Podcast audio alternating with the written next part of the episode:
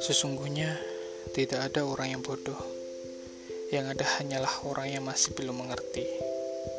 Bodoh hanyalah kata sifat dan bukanlah takdir setiap insan manusia. Oleh karena itu, kata bodoh bisa dihindari dengan cara belajar keinginan untuk mengerti. Selamat datang di channel Ruang Pintar. Salam pintar untuk kalian semua.